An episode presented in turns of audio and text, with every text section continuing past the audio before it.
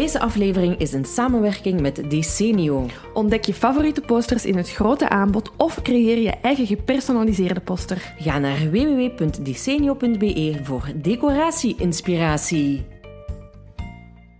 Welkom bij aflevering 56 van de Volksjury. Wij zijn Laura en Silke. En we hebben vandaag iets heel speciaals. Ah, ik heb hier echt zoveel stress voor gehad, maar jij ook waarschijnlijk. Ah ja, sowieso. Het is de eerste keer dat we in deze setup filmen en ook een aflevering echt opnemen. Hè? Ja, dus vanaf nu, we gaan proberen, we gaan zien wat het geeft. Misschien gaan jullie deze beelden nooit zien.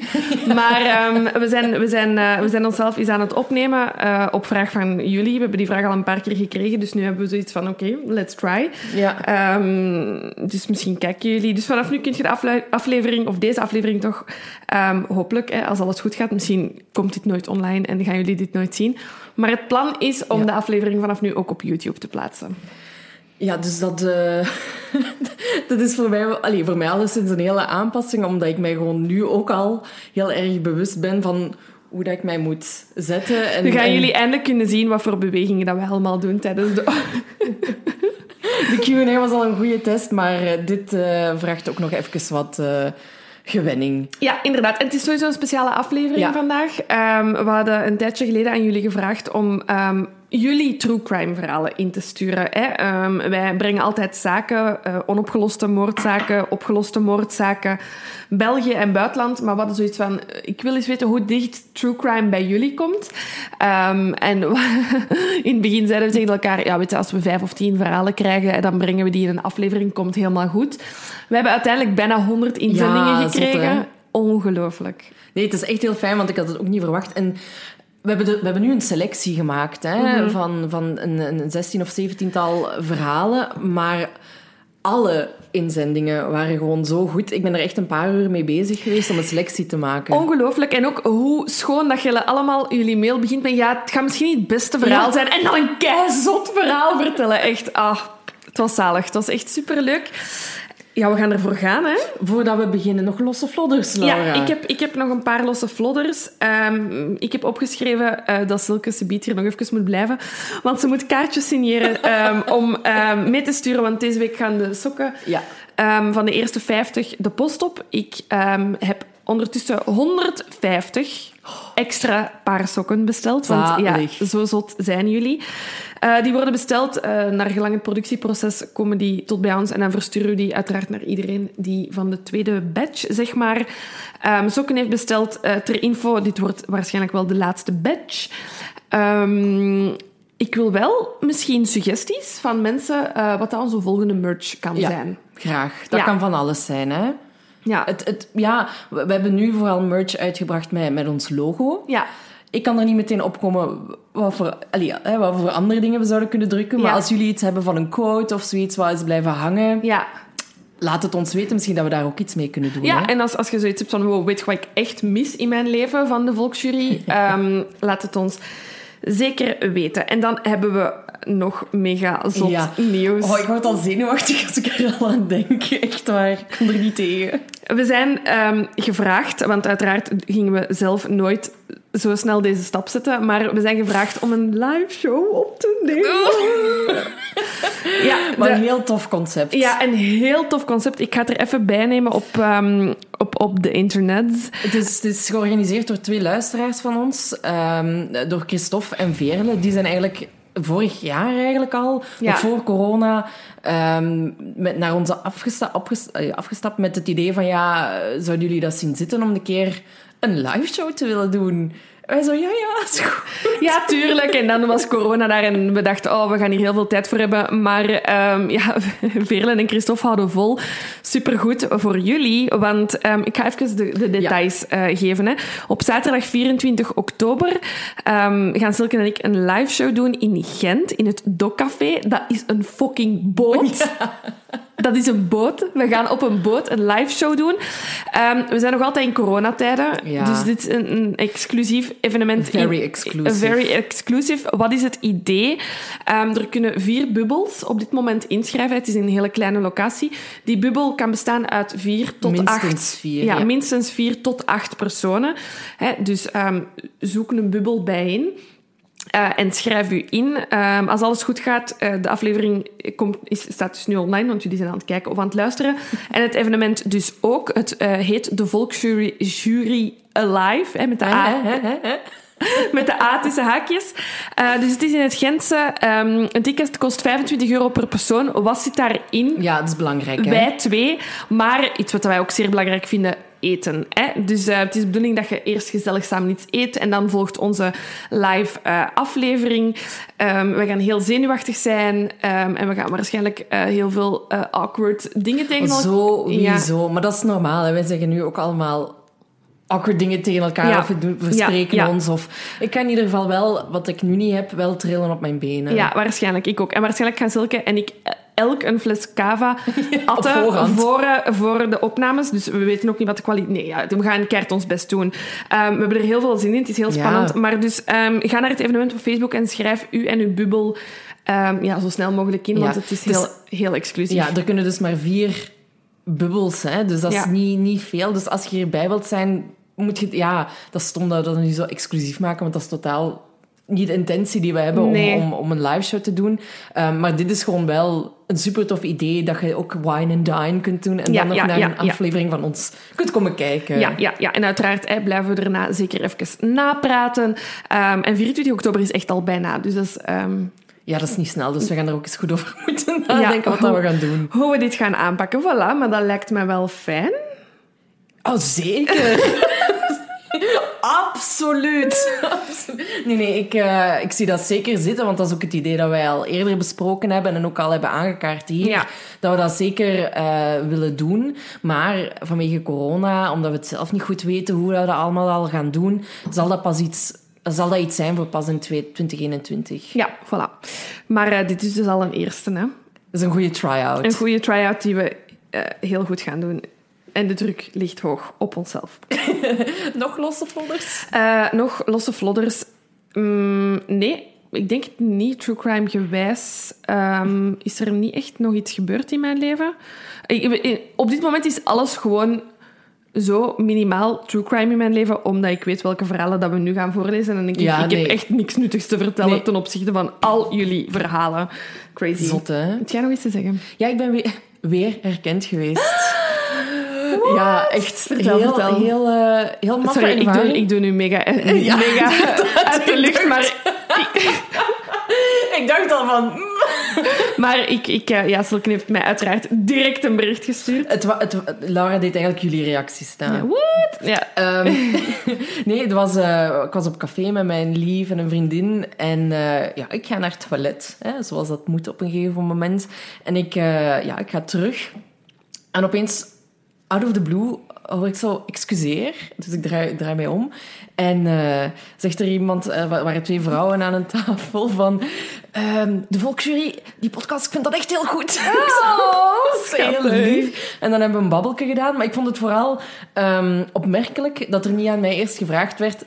Zet jij niet Silke van de Volksjury? Maar gewoon, die wist gewoon meteen waar ze het over had. Dus dat was uh, zeer opmerkelijk. En um, het waren twee zussen...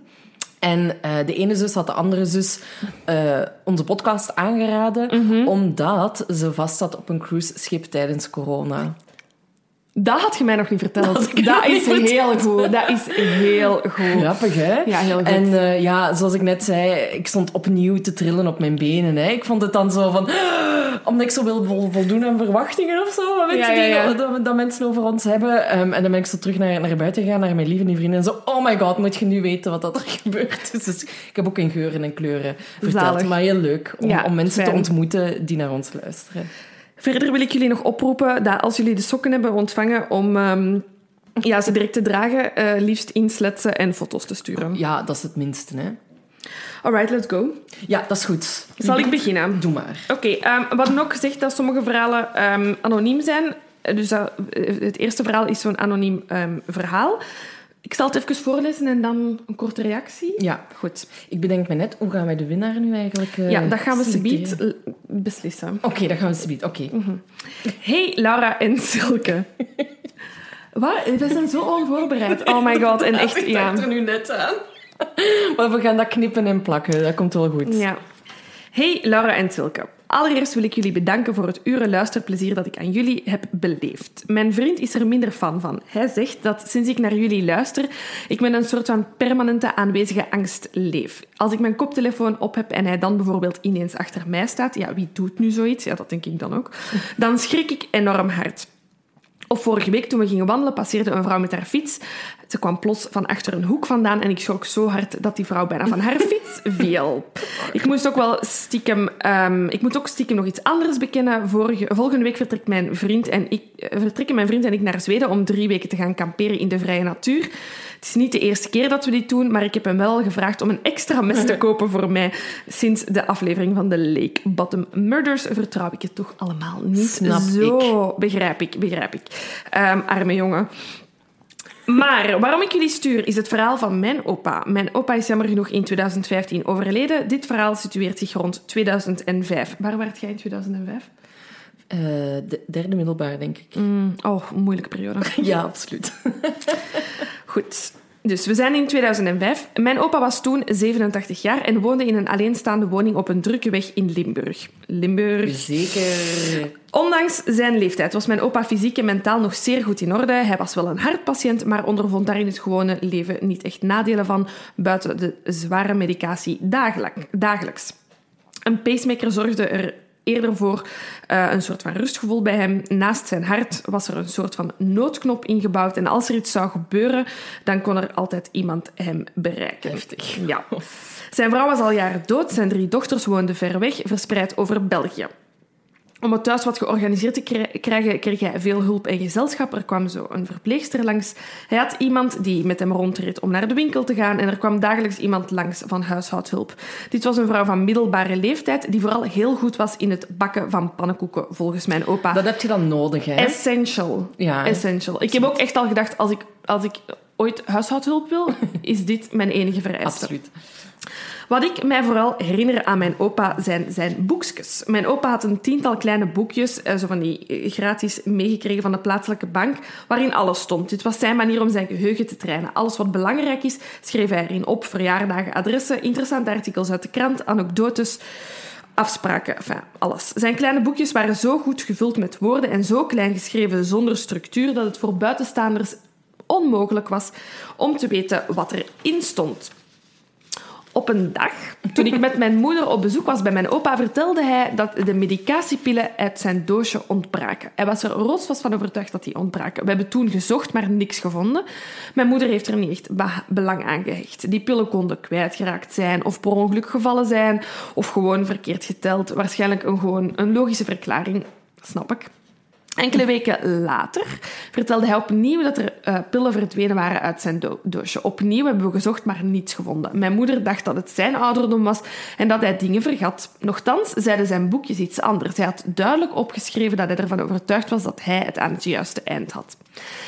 Enkele weken later kregen we telefoon van hem. De vrouw die pannenkoeken bakte, zat in de cel Oh my god, toch niet de pannenkoekenbakster. Pannenkoekenvrouw. Ze was medeplichtig. Eh, ze was aangeduid als medeplichtige voor de moord op de vrouw van haar minnaar. Haar toenmalige minnaar zou meerdere keren geprobeerd hebben om zijn vrouw te vermoorden, waarna hij haar uiteindelijk heeft gestikt. En je kan al raden waarvan de vrouw van de huishoudhulp, uh, ja, dus de, vrouw, de huishoudhulpvrouw, beschuldigd werd. Ze zou haar minnaar pillen hebben gegeven om zijn vrouw te vermoorden. En die poging is dus niet gelukt. Na al die jaren, bij de vraag op jullie goede verhalen, moest ik spontaan aan mijn opa denken. De jaren nadien, ook tijdens het proces, heeft mijn opa alle artikels opgeschreven en bijgehouden in zijn boekjes. Hij is daar blijven volgen. Nu was ik ondertussen zelf benieuwd hoe het met haar ging. Ze is de oudste vrouwelijke gevangene in België. In 2008 werd ze veroordeeld voor 23 jaar opsluiting en bij een nieuw proces in 2016 is ze veroordeeld tot 7 jaar cel tot een moordpoging met pillen. De moordpoging met giftige paddenstoelen is ze vrijgesproken. Geen idee waar dat die dan heeft plaatsgevonden, maar vind ik wel een goeie. Er is rekening gehouden met haar leeftijd, gezondheid, persoonlijke situatie en het tijdsverloop van de feiten. Ze is vrijgekomen in 2016 en tot op de dag van vandaag blijft ze haar betrokkenheid ontkennen. Ik geloof er niks van. Die heeft dat gedaan. Stoute pannenkoekenvrouw. Maar zo, ja, ik vind met al die verhalen, we hebben het al gezegd, het komt zo dichtbij. Het komt- maar eh, oh, garm die een opa. En ik herken die mensen echt heel hard. Ehm, mijn opa schreef ook altijd alles in boekjes op. En, en er was ook iemand, eh, hij was ook een, nu een hartpatiënt. Is het mijn opa? Wie weet? Nee. Ehm, hij was ook een hartpatiënt, en, maar zijn verstand was nog zo goed. En het is, ik, ik merk ook zo dat de struggle dat je dan tegen die oudere mensen zegt van het zal aan je geheugen liggen. Terwijl die Ja. zoiets hebben van, dude, ik weet alles wat er mankeert aan mijn lichaam, maar mijn hersenen zijn oké. Ehm, ja, maf verhaal. Ik vind het een hele goeie. Maar vooral ook zo het element van de pannenkoekbakster. Ik vind het heel leuk dat ze dat erin heeft ja, gezet. Ja, ja dat is, dit heeft misschien ons over de streep gesproken. Om wie dit- weet. Ja. Verhaal 2 Mhm. komt van Hilke. Dag Laura en Silke. Via mijn goed geïnformeerde bronnen komt Laura in Schaarbeek wonen. Puntje, puntje, puntje. Voilà, ik zag dit verhaal en ik wist, oh, ik moet verder lezen en dit moet sowieso worden opgenomen, want dit is mijn nieuwe woonplaats, ja. Voilà. En laat dat nu net de plek zijn waar mijn collega Inge en ik niets vermoedend samenwerkten met de helft van het duivelskoppel, zoals ze in de pers genoemd werden.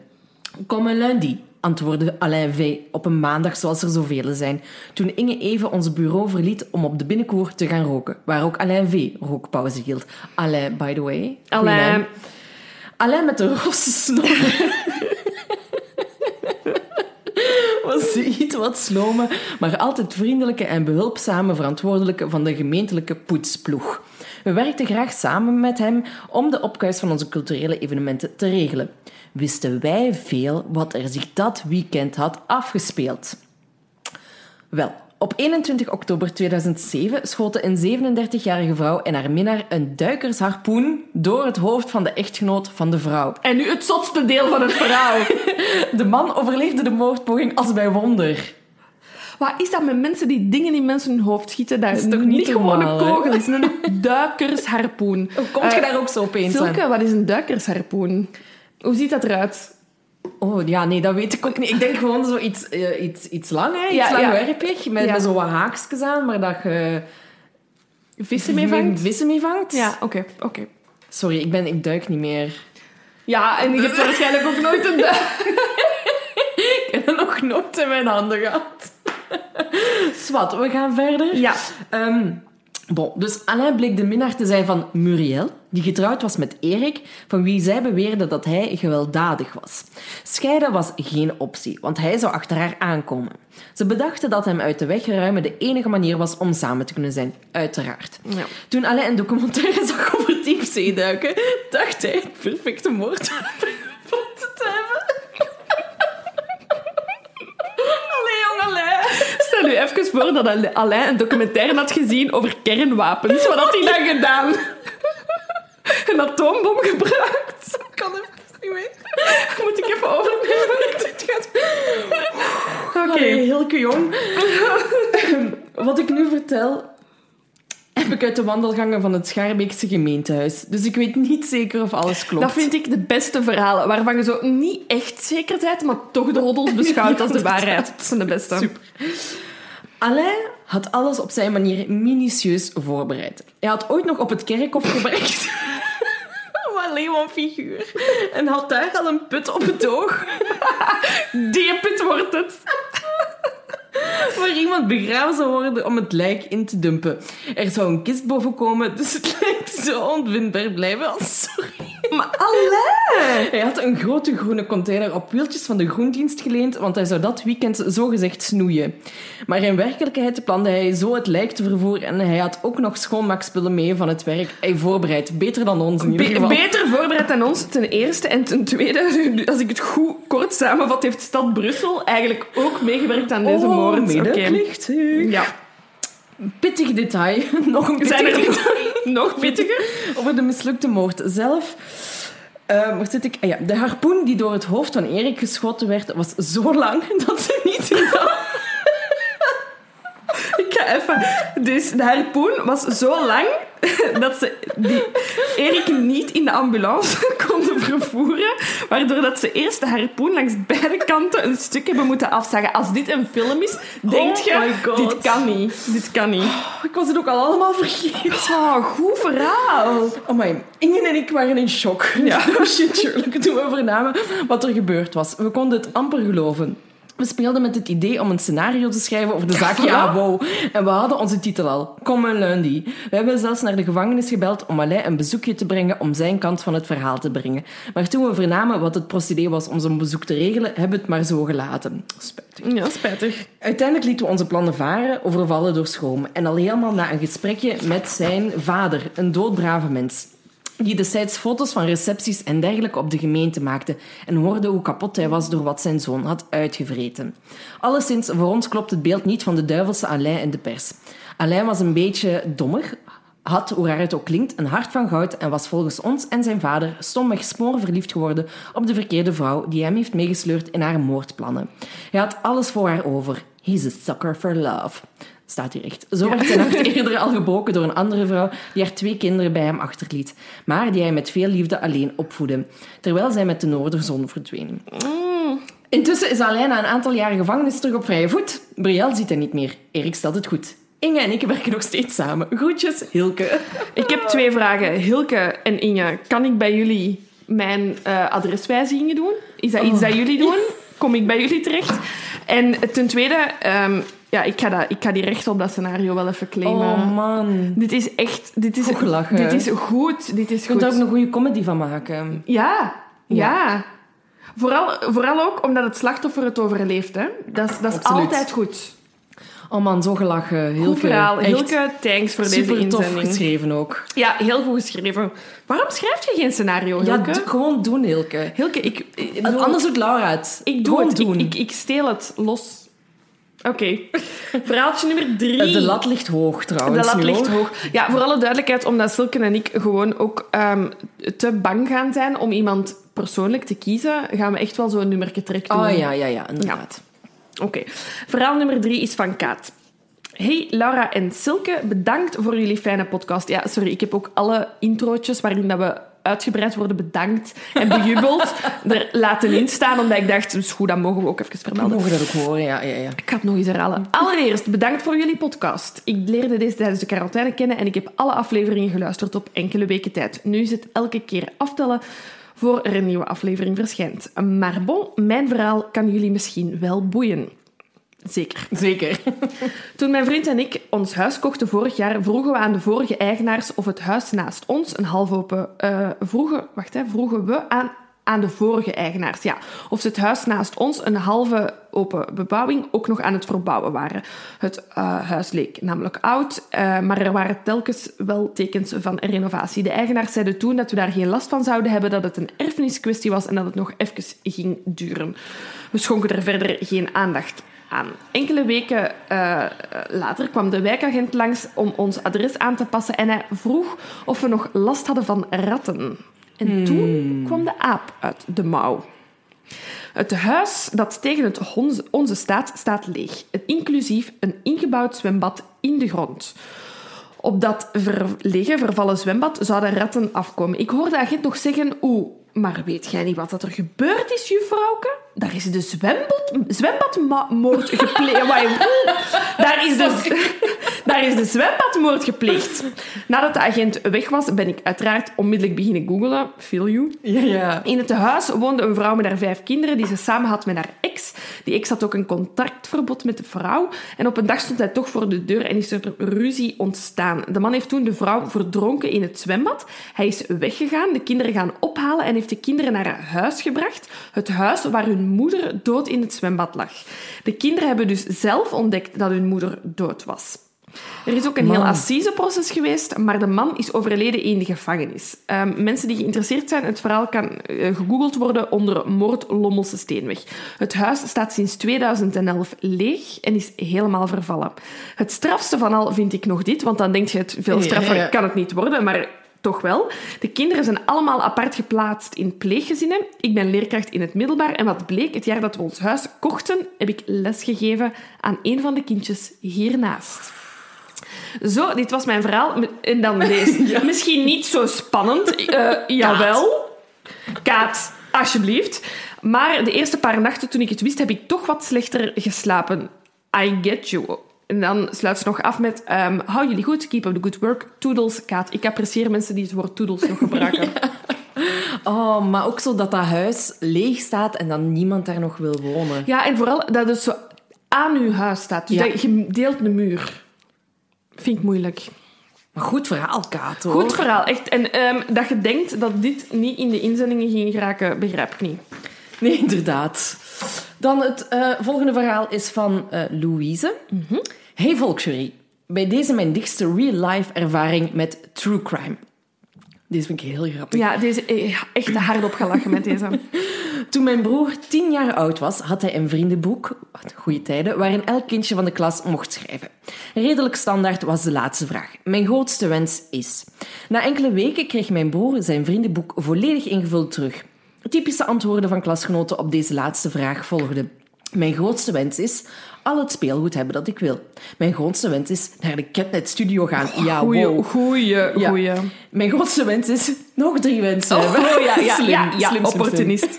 Maar één jongen antwoordde: Mijn grootste wens is om iemand te vermoorden. En dan moet je daar nog zes jaar mee in de klas zitten waarschijnlijk. Hè? Ah. Best creepy uit de mond van een tienjarige. Nog eens nog een understatement, eh, vind ik. ja, amai. En al zeker wanneer je weet dat de nonkel van deze jongen een moord op zijn geweten had. Dit na een uit de hand gelopen caféruzie waarbij er jaloezie in het spel was. Over een apart rolmodel gesproken. Ondertussen is die jongen al 24 jaar, loop hem toch liefst snel voorbij op straat. Groetjes, Louise. Ah, nu, het ding is, met het ding van de onkel erbij is het misschien een soort van fascinatie van de jonge gast die zoiets heeft van, allee, hè, die is tien jaar en ja, die is gewoon geïnteresseerd van wat dat er misschien gebeurd is. Ja, ik, ik ben dat ook aan het vermoeden. Ik denk niet per se dat we met een psychopaat te maken hebben, maar dat hij gewoon zeer dicht betrokken was bij wat Ja. er in zijn familie is gebeurd. En Ja. dat hij hij zoiets had van, ja, what the fuck is dat? Iemand Maar hij zou toch, toch ook wel op mijn watchlist staan, de persoon. Maar eh, ik zou het ook in ieder geval niet in, in een vriendschapsboekje schrijven. Nee, maar kinderen zijn zo onbezonnen. De waarheid komt uit de kinderen. Ja, ketnet, moordenaar. Het is bijna, Het bijna hetzelfde. hetzelfde. Wat schreef jij? Oh, Uw grootste wens? mijn grootste wens is een true crime podcast oprichten. Ja, dat schreef je echt toen je tien waart. Nee, mijn, oh, mijn grootste wens Als kind? als kind.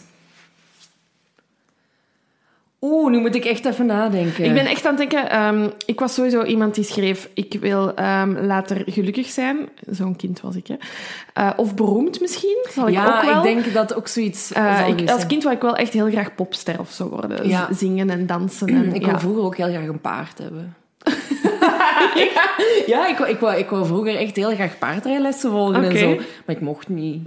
Mijn mama was, heeft dat vroeger gedaan en die, is, ja, die heeft een paar botten gebroken. Dus die zei, no way Ja. dat je dat gaat doen. Dus, ehm, nee, maar ik denk dat ook eerder in de, in de... Nu dat jij dat zegt van beroemd zijn en zo, denk ik van ja, dat is een goede kans. Dat het dat is geweest. Ik denk gewoon niet dat ik zoveel vriendschapsboekjes invul. Oh, oh, sowieso wel, jij dikke leugenaar. Ik zou, ehm, er is bij ons wel zo nog een revival geweest van de vriendschapsboekjes. En in het middelbaar hebben we dat ook zo nog eens gedaan. Ja, echt als je zo al te oud bent. Het zijn nooit te oud voor vriendschapsboekjes. Doen we nog eens een Dat is vriendschapsboekje? goed, we gaan dat doen. Ik Heb je dat nog kopen? Ik heb dat onlangs nog gedaan op mijn werk. Een collega die een vriendschapsboekje ehm Echt? Liet rondgingen. Ja, voilà. Maar ik denk niet dat de vraag mijn grootste wens Erin zat. Mm, spijtig. Voilà. Alright, verhaal nummer 5 is weer een anoniem verhaal. Beste Laura en Silke van de Volksjury, bij deze mijn anekdote die jullie zeker moeten horen. Oh ja, ja, ja, ja. Ehm, ik ben ooit uitgenodigd geweest op een homeparty van een psychopathische moordenaar. Mm, begint goed. Ik, ik zou ook... RS, uh, wat is zo, zo dat je moet zeggen dat je komt? Direct. RSVP, Ja, ja. Zo, direct check moordenaar, ik kom. Zelfs een van de jongste tot levenslang veroordeelden in België. Eh, ik ga hem gewoon eh, bij zijn voornaam aanspreken om zijn anonimi- anonimiteit ook eh, te bewaren. Yuri. Hij was 21 jaar op het moment toen hij de moord pleegde in 2013 en 23 toen hij levenslang kreeg. De zaak is redelijk onbekend, maar wel geschift. Hij had een seksuele relatie met een oudere man in ruil voor geld. En hij heeft op een avond die man doelbewust vermoord door hem neer te slagen met een pan en vervolgens te wurgen met een kabel. Dat is echt Amai, pa- dat heel is passioneel. per Ja. ongeluk iemand vermoorden. Nee, nee, nee. Hij is daarna het lijk gaan dumpen in een bos en heeft ehm, zijn auto daarna snel verkocht. Hij heeft levenslang gekregen, uh, omdat de kans op um, ja, hervallen te hoog is, gezien zijn antisociale en narcistische persoonlijkheid met psychopathische kenmerken. Mm Ik ken hem omdat ik als rebelse tiener af en toe wiet rookte met vrienden en ben via, via bij hem terechtgekomen om wiet te kopen. Hij deed super raar, vertelde hele loesje verhalen over tripervaringen en ontsnappingen uit psychiatrische instellingen. En dan nodigde hij mij dus uit op een homeparty in zijn appartement, waarvoor ik dan gelukkig vriendelijk gepast heb, want ik kreeg een beetje de kriebels van hem. Uh, en dan staat er tussen zakjes... En hij was extreem marginaal, vind ik altijd moeilijk. Um, want het woord marginaal betekent gewoon aan de rand van de samenleving. Dus ja, oké. Okay, okay. Het is gewoon een louche figuur, laten we het daarop houden. Uh, het is wel een goede inschatting geweest, dat zeker. Uh, want de, uitna de uitnodiging was een paar maanden vooraf aan de moord. Ik wist niets van de seksrelatie. Ik, um, ik had zelfs begrepen dat hij een vriendin had. En dan... Moraal van het verhaal, jongens, en even for real, don't do drugs. En als uw onderbuikgevoel zegt dat uw dealer zo zot is als een achterdeur, dan klopt het waarschijnlijk ook. Dat is echt een quote om in te, in te kaderen. Als uw dealer zo zot is als een achterdeur, klopt het waarschijnlijk ook. Ja, voilà. My... Anoniem vriendelijke groeten. Um, stevig verhaal. Ja, zeker omdat je, je zit gewoon zo onschuldig om even een jointje te roken. Je zit op zoek naar wiet en dan komt je in aanraking met zo iemand. Inderdaad, ja. En ik herken, ik, ik herken het verhaal, nee, niet super, niet super hard, maar ik herken wel zo de onbezonnenheid dat je mm. zijt. Um, zeker de leeftijd, de periode tussen je 16 en je 20, je ontmoet zoveel mensen die je misschien maar één, allee, één keer of twee keer gaat zien. Je hebt zoveel contacten ja. en dat kan zo snel fout lopen. Um, ja, ik vond het zo een, een, een verhaal dat mij echt zo dat onbezonnen van, de, van als je zo'n tiener bent en dan, ja, wat voor heftige dingen dat je echt wel kunt ja, tegenkomen. Absoluut. Um, Zonder dat je er per se op zoek naar bent. Ja, hè? je zet er niet naar op zoek. Shit, gast, goed verhaal. Maar dus, don't do drugs, kids. of doe het gewoon op een verantwoorde manier en laat je mama en papa wiet kopen. Oké. Okay. Oh, Oké, okay. dat is dan ook weer gezegd. Ja. Verhaal 6 komt van Hanna. Beste Laura en Silke. Zij geeft ons geen complimenten, dus dat staat ook genoteerd. Ja, okay. Maar goed, met, zij valt met de deur in huis. Mijn verhaal. Een hele tijd geleden vond mijn mama een oude klasgenoot terug op Facebook. De man in kwestie stuurde een berichtje naar mijn mama om te vragen hoe het met haar ging na al die jaren. Al snel vertelde hij mijn mama dat zijn vrouw zelfmoord had gepleegd en dat het dus niet zo goed met hem ging. Door een gesprek op Facebook vroeg de man uiteindelijk of ze eens konden afspreken, omdat het zo lang geleden was. Ergens die periode was het de Gentse feesten, dus had mijn mama gezegd dat ze daar wel even dag kon komen zeggen. Maar mijn mama bleef plakken bij een vriendin en is uiteindelijk niet gegaan. Enige tijd later zag mijn mama op Facebook dat zijn status was veranderd naar heeft een relatie. En dan niet veel later stonden er allemaal oproepen op zijn Facebook om te vragen of iemand zijn vriendin gezien had. Ze was namelijk vermist. Het onderzoek startte en al snel vonden ze het lijk van de vrouw in het kanaal ingewikkeld in folie en ze bleek barbituraten genomen te hebben. Hij zelf was apotheker, dus al snel zagen ze een link tussen hem en de verdwijning en besloot de politie om het lichaam van zijn vorige vrouw op te graven. Slim.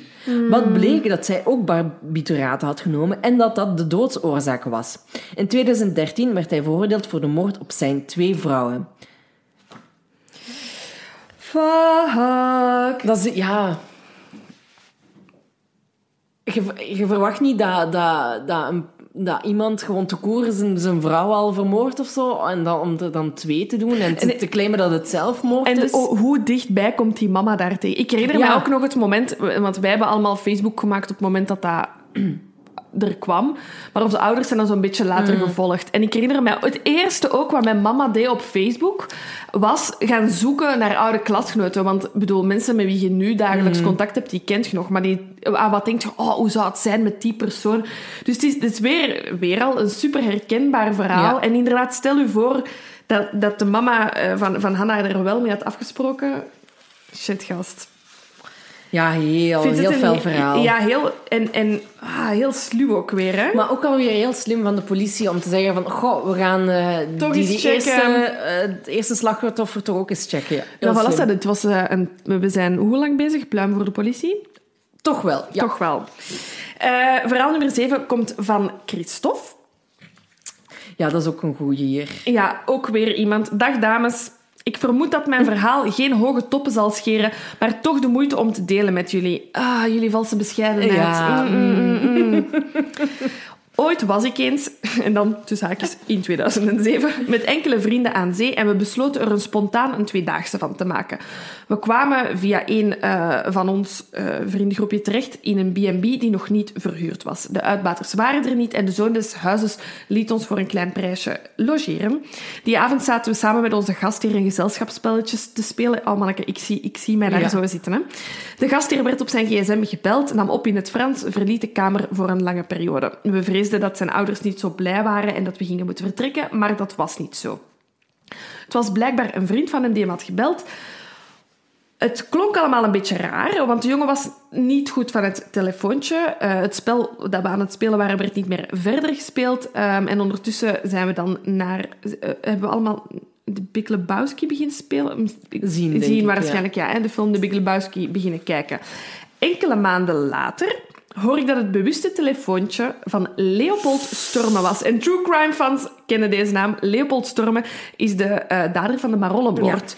Ja. Uh, dus de jongen is, uh, met, van wie dan, dan uiteindelijk in die B&B sliepen, is moeten gaan getuigen op het proces. dit is een moord. de Marollenmoord staat heel hoog op mijn lijstje ja, om eens ja, te brengen. Leopold Stormen ja, is ja, de zoon van de tapijtenhandelaar, dat was het. Mm. Um, en zijn familie is hij heeft, hij hij heeft zijn familie vermoord. Ja, ja, ja. Ik heb ook een link met uh, Leopold Stormen. nee, maar ik heb ooit voor mijn werk... Um, ik weet niet meer wat de, wat de aanleiding was. Maar ik heb met zijn oma gebabbeld. Mag jij? Ik ben aan, bij haar thuis moeten gaan aanbellen. En zo vragen van... Oui, excusez-moi, vous, vous voulez parler... Oh my god! ja, dat was... Maar ze wou niet, wat ik ook wel uh, Totaal begreep. begrijp. Ja. Uh, maar ik heb er toch maar gestaan. Dus uh, heel maffe ervaring ook. En al goed dat ik die ervaring heb, want anders is mijn true crime echt niks waard. Nee. Um, nee, heel, heel maf. Ja. En ook om, om dan te beseffen dat je op dat moment... Maar ja. Christophe is waarschijnlijk aanwezig geweest op het moment dat zijn vriend belt om te zeggen ik heb iets heel dom gedaan, ja, toch? Dat is, dat, dat, net is, zeggen. dat is het telefoontje, hè. Ik heb iets stom gedaan. Ja, je weet nog van niks. Hè. Eh, dat is echt absurd. En ik vraag me af hoe Christophe dan uiteindelijk te weten gekomen is dat het Leopold was. Ja, dat wil ik ook wel weten. Christophe, laat het ons weten. We spreken elkaar nog. Bel ons. Oeh, een hele brok van Femke. Verhaal ja, 8. Ja, ook een van mijn favorietjes. Ik neem nog even een slokje. Goed. Dag dames. Tot jullie spreekt een luisteraar van het eerste uur en een 100% supporter. Ja, Die nog steeds angstig wacht op de felbegeerde sokken combo van de Volksjury. Bedankt voor de content die jullie maken. Er is niets zoals dood en verderf om mijn pendelmomenten draaglijk te maken. Waarvoor dank. Het verhaal dat ik voor jullie heb is niet echt true crime in C, maar ik vond het toch wel de moeite waard om het jullie te vertellen. Een familiemysterie, schatten op zolder en een beetje melancholie. En ik dacht, dat is misschien wel right up their street. Daar gaan we. Ja, ja, ja. Het is ook weer, sorry, echt even te vermelden, Femke, supergoed geschreven. Zeker. Ik woon in een klein stadje te midden van de Vlaanders. En blijkbaar woont mijn familie hier ook echt al eeuwen. Ik heb het geluk gehad om enkele jaren geleden een kopie te verkrijgen van mijn familiegeschiedenis. Een stamboom langs moederskant en deze gaat terug tot de 12e eeuw. Wow! Femke, ik ben zo jaloers. Ik Dat zou zot. dood graag weten. Ja, hè? Ja, ik zou ook echt... Amai. I want to know. Anyway, staat hier geschreven. Twee jaar geleden zijn mijn opa en oma verhuisd van hun jarenlange thuis naar een woonzorgcentrum. Dit betekende dat mijn moeder, vader, zus en ik 55 jaar aan leven mochten beginnen opruimen, sorteren en verhuizen. En dit terwijl mijn oma, mental picture, hooggebrust blond haar, perfect gemanicureerde handen, met haar beste juwelen aan en ruikend naar oude vrouwenhaarlak, ons bij elke stap dirigeerde. Zoals je je wel kan inbeelden, was dit echte titanenarbeid, maar het leidde wel tot enkele leuke vondsten, soms hilarisch, soms hartverscheurend.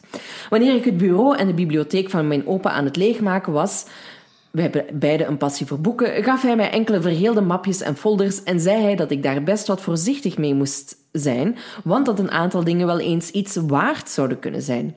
Beste cadeau van mijn leven. Ik ben echt jaloers, jaloers, jaloers. De inhoud ging van middeleeuwse kaarten, van wow, van mijn thuisstad tot handgeschreven brieven van koning Leopold III. Laura gaat uit haar bol nu staan. Leopold III. Waarom, waarom stuurt Leopold III brieven met uw Eh, Femke, ik moet je even bellen, denk ik. Ik moet even, even wat dingen afchecken met u. Ja. Als ook heel veel oude familiefoto's. Op een van de foto's zag ik dat het hoofd van een familielid was uitgeknipt. Zo vrij passief-agressief Ja. eigenlijk. Toen mij zo aan Harry Potter denken. Daar heb je toch zo Ja. die hele stamboom op de muur en zijn er ook zo mensen... Inderdaad. Ja, bij de Sirius. Serieus, inderdaad. Harry Potter. Ja. En dat maakte mij toch wel nieuwsgierig. En toen ik mijn opa hierom vroeg, zei hij casually... Och, dat is mijn onkel Prosper. Hij collaboreerde met de Duitsers en uw overgrootmoeder, de moeder van mijn opa dus, heeft hem uit alle foto's geknipt en ze heeft hem zelfs uit de stamboom gekribbeld. Terug, kleine side note. Prosper komt in de lijst van namen. Alain Walter Prosper. Zeker. We hebben er nu drie. Ja, ga maar verder. Het leek zo uit een film te komen en natuurlijk moest ik alles weten. Ja, zeker. Hij ging verder door mij te vertellen dat de broer van mijn overgrootmoeder, Prosper dus, na Alain de beste naam, een hoeden- en handschoenenwinkel in onze stad had in de jaren 30 en 40. What a time to be alive. Allee, en ook niet, schrijft Femke. Want toen de Tweede Wereldoorlog uitbrak en de nazi's op zoek waren naar bondgenoten in lokale afdelingen van de SS, gaf mijn grootnonkel Prosper zich op als vrijwilliger. Dit tot de horror van onze familie natuurlijk. Mijn opa vertelde mij ook dat zijn moeder zo gedegoteerd was van de acties van haar eigen broer dat ze niets meer met hem te maken wou hebben en gezworen had dat ze nooit nog tegen hem of zijn vrouw zou praten. Vandaar de passief-agressieve uitknipsels. Voilà. Femke, Femke, wij moeten echt... Ik denk... We zitten op dezelfde golflengte, Femke. Prosper bood onderdak aan nazi-officieren op doortocht en genoot van dineetjes en de voordelen die collaboreerden met zich meebrachten. Tot de bevrijding natuurlijk. Hij probeerde, zoals mijn opa het zei, zijn kar nog te keren, maar het was tevergeefs. De onderdrukte bevolking zocht een uitweg voor een opgekropte woede en ze richtten zich tot de lokale collaborateurs. Mensen vielen Prosper en zijn vrouw lastig wanneer zij hen op straat zagen, zijn winkel werd besmeurd met varkensbloed en het haar van zijn vrouw werd publiekelijk afgeschoren. Dat zijn heel bekende beelden. Ja, hè? ja, ja. Oeh. Dit is echt wow, wow, wow. Wanneer de lokale politie uiteindelijk de onderzoeken op poten begon te zetten en het toch wel heet werd onder hun voeten, zijn ze gevlucht naar de Verenigde Staten. Mijn overgrootmoeder ontving in de jaren tachtig nog eens een brief van hem, maar die klasseerde ze verticaal. Sowieso, ook al zou ik doodgraag weten wat er in die brief stond, ben ik ergens wel echt trots op wat voor een badass mijn overgrootmoeder was en wat voor een degelijk moraal kompas ze Ah, had. mij nog Amai. niet. In april, aan het begin van, nog van de coronaperiode, hebben we afscheid moeten nemen van onze opa. Het viel onze familie, zoals bij zoveel anderen, erg zwaar door die verschrikkelijke periode waarin we zaten en nog steeds zitten. Er was nog zoveel dat ik hem wou vragen en waarover ik met hem wou praten. Hij was echt de liefste, zachtaardigste man die je kan inbeelden en hij heeft ervoor gezorgd dat mijn zus en ik een prachtige kindertijd hebben beleefd. Ik draag dit berichtje dan ook op aan mijn lieve opa Frans en aan alle personeel van woonzorgcentra. Zij hebben het deze periode ook echt niet makkelijk gehad en worden maar al te vaak over het hoofd gezien. Vandaar ook een welgemeende dank u wel aan hen. Absoluut. Zeker. Ik hoop dat ik het niet al te lang gerokken heb en misschien toch nog een fun fact om ook af te sluiten. Mijn opa kreeg steeds snoepjes van zijn onkel Prosper in de winkel en ging deze ook nog halen toen zijn moeder hem dit al verboden had. Hij kreeg op een bepaald moment van zijn onkel ook enkele folders mee met de reclame voor de Vlaamse SS om hem te overtuigen zich ook aan te sluiten als hij wat ouder was. Deze foldertjes zaten ook in het mapje. En ze heeft uiteindelijk ook de foto's In bijlage gestuurd. Ja, ik heb ze er even onder Oeh, geplakt. Ook jij staat er in koeiletters Ja. op. Ja, Vrijwilligerslegioen Vlaanderen. Eeuw. Amai, Femke, wat een, wat een supermooi verhaal. Femke, wat een supermooi verhaal. En dat heeft mij doen beseffen dat ik misschien toch ook een true crime gerelateerd Ja? verhaal heb. Het is echt te zot voor woorden. En ik heb het zo lang... ehm, vanaf dat ik dit verhaal las, dacht ik... Oké, ik, ga, ik ga dat even aan Silke zeggen. Maar dan dacht ik, nee, ik ga nu wachten. Ehm, het heeft ook iets met de nazi's te maken. Ehm, mijn, fa- eh, hoewel je het niet zou zeggen, Silke, komt heel mijn familie uit West-Vlaanderen. hè, Dat hoort je eh, niet meer, hoop ik. Ehm, maar dus mijn familie woonde ook in de Vlaanders en hadden, een, eh, hadden het vrij goed. Eh dan een vrij groot burgerhuis in West-Vlaanderen. En eh, tijdens Wereldoorlog 1 zijn ze uit hun huis gejaagd door de Duitsers. Ehm, en werd het als een veldhospitaal gebruikt. Mhm. Na de oorlog hebben ze hun huis kunnen recupereren. En ook tijdens de Tweede Wereldoorlog woonde mijn familie daar nog. En toen hebben ze ehm, in, in het midden van Wereldoorlog 2 eh, Duitsers gehad. Die kwamen kloppen aan de deur met cadeaus en giften Ja. van de Führer. die dankzij de goede zorgen in het veldhospitaal Nee! Nee! nog in leven was. What the fuck? Ja, dus fucking Hitler is in mijn fucking familiehuis fucking verzorgd. Oh, ik, ik weet echt even niet hoe ik moet zeggen. Hoe, hè? Oh. Ja, ik weet ook, ook nooit of ik dat met trots of niet met trots moet vertellen. Snap ik. Maar gewoon het feit dat uw familie deel heeft uitgemaakt van dat, geschied- van dat aspect van de Ja, geschiedenis. ja, ja. Dat is, dat is wel dit, belangrijk. dit is weer zo'n verhaal waarvan ik hoop dat het waar is. En ik weet dat die Duitsers daar echt zijn komen bedanken. Het deel van de Führer hoop ik ook altijd ergens dat iemand verzonnen heeft. Ja, tuurlijk. Dat ze misschien gewoon Ja. zijn komen bedanken. Maar als ik het vertel, vertel ik het zoals ik het heb gehoord. Dat, dat, dat, dat Adolf Amai, Hitler straf verzorgd is. verhaal. Ja, ja, Goed, hè? Maar ik ben blij dat je dat bewaard hebt tot nu. Alsjeblieft. Dan eh, van de nazi's naar Tara. Tara, verhaal nummer 9. Beste en leukste podcastmakers. Hey Tara! Vandaag luisterde ik jullie podcast en uiteraard de vraag dat jullie moeten weten. En daarvoor kwam dit verhaal naar boven waar ik al jaren niet meer aan gedacht heb. Maar bij deze... Zo gaat dat dan, Zo ga ik. Dat is mijn, zoals ik en Adolf Hitler. Ik hoorde het verhaal pas jaren later, want op het moment was ik nog te jong, 6 à 7 jaar. Ik woon in een dorp in Nederland, niet te klein, niet te groot, wel rustig. Keigoed. Dus dat zijn de goede dorpen. Ook mijn oma en opa woonden in het dorp in een kleine wijk. Tegenover mijn oma en mijn opa woonde een oude lieve vrouw. Ik denk dat ze 70 of 80 jaar was. Maar op een dag werd ze dood teruggevonden in haar woning. Haar woning eh, zat midden in een rijtjeshuis en al snel werd het duidelijk dat er verschillende spullen weg waren en dat ze niet natuurlijk was gestorven. Er is dus een inbraak geweest. Sporen van inbraak aan deuren of ramen waren niet gevonden, dus ze heeft waarschijnlijk de deur zelf voor iemand opengedaan. Maanden verstreken en geen dader te bekennen. Dat was heel moeilijk voor haar familie. Tuurlijk, ja. Totdat een andere buurvrouw langsging bij meerdere buurgenoten. Ik weet niet eh, waarom, maar ik weet wel dat meerdere personen vanuit het asiel zijn komen wonen in deze wijk en dat ze hen verder hielp. Ehm, de buurvrouw kwam op het moment bij haar rechterbuurman, ehm, de- bij de rechterbuurman van de vermoorde vrouw op bezoek. Tot haar schrik, ik kan me dit zo voorstellen, Ja. dus een vrouwtje die gaat op bezoek bij, haar, bij een van de buren. Ehm, tijdens de koffie ziet ze een bekende vaas op zijn schouw staan. Ze wist meteen dat het over een vaas ging die tot de de vermoorde buurvrouw behoorde. Maar ehm, ja, dat durfde ze natuurlijk niet te laten zien, want je kunt moeilijk die vaas aanwijzen en zeggen, wat de fuck doet die vaas hier? Ze ging dus met een smoes... Slim, want ik denk dat je eerste instinct wel zou zijn om te zeggen Eh, van... eh, wat is dat? Ja, ja. Maar ze houdt haar gezicht in de plooi, niet zoals ik. Ehm, en ze gaat met een smoes weg, maar ehm, zij denkt dat ja, de man in kwestie het wel door had. De politie is dan uiteindelijk ja, bij de man gaan aanbellen en heeft op zolder een soort van verscholen luik gevonden, ehm, waar de buurman via dat luik naar andere buren kon kruipen om spulletjes te stelen. Op die bewuste dag zal de buurvrouw dus ehm, niet thuisgekomen zijn. ehm, en hij zal ja, via dat luik naar eh, binnen zijn gegaan om buiten te maken. Maar zal dan toch op de buurvrouw gestoten zijn, die dan toch thuis bleek te zijn. Hij was hier niet op voorbereid en heeft de vrouw dan vermoord en voor dood achtergelaten. Het klinkt als een aflevering van Baantje, maar het is echt gebeurd. Ik was 13 toen ik het hoorde. Dus de details zijn misschien niet helemaal meer juist. Maar hoe spannend is dit? Ik wou dus echt net zeggen, dat is echt precies een baantje aflevering. Ja, echt, voilà. echt, eh, Echt. maf. Heel gek verhaal. En dan denk je toch echt... En dat is toeval, hè? Dat Ja. dit ontdekt is geweest Ja, dan. ja, ja, inderdaad. Want hoeveel mensen komen zo vaak bij hun buren langs? En zien er nog eens toevallig iets staan wat, dat er, allee, wat dat je herkent weer van bij iemand anders. Ja. Ja, dit is ehm, ja, een oplettende buurvrouw. En dan hoop ik ook zo hard dat mijn buren normaal zijn. Binnenkort. Ja. Snap ik, snap ik, snap ik. Verhaal 10 Yes. van Sarah. Liefste Silke en Laura. Eerst en vooral ben ik een trouwe fan sinds de release van aflevering 20. Keep up the good work. Wat is En wat- aflevering 20? En wat is er met de 20 eerdere afleveringen gebeurd, Sarah?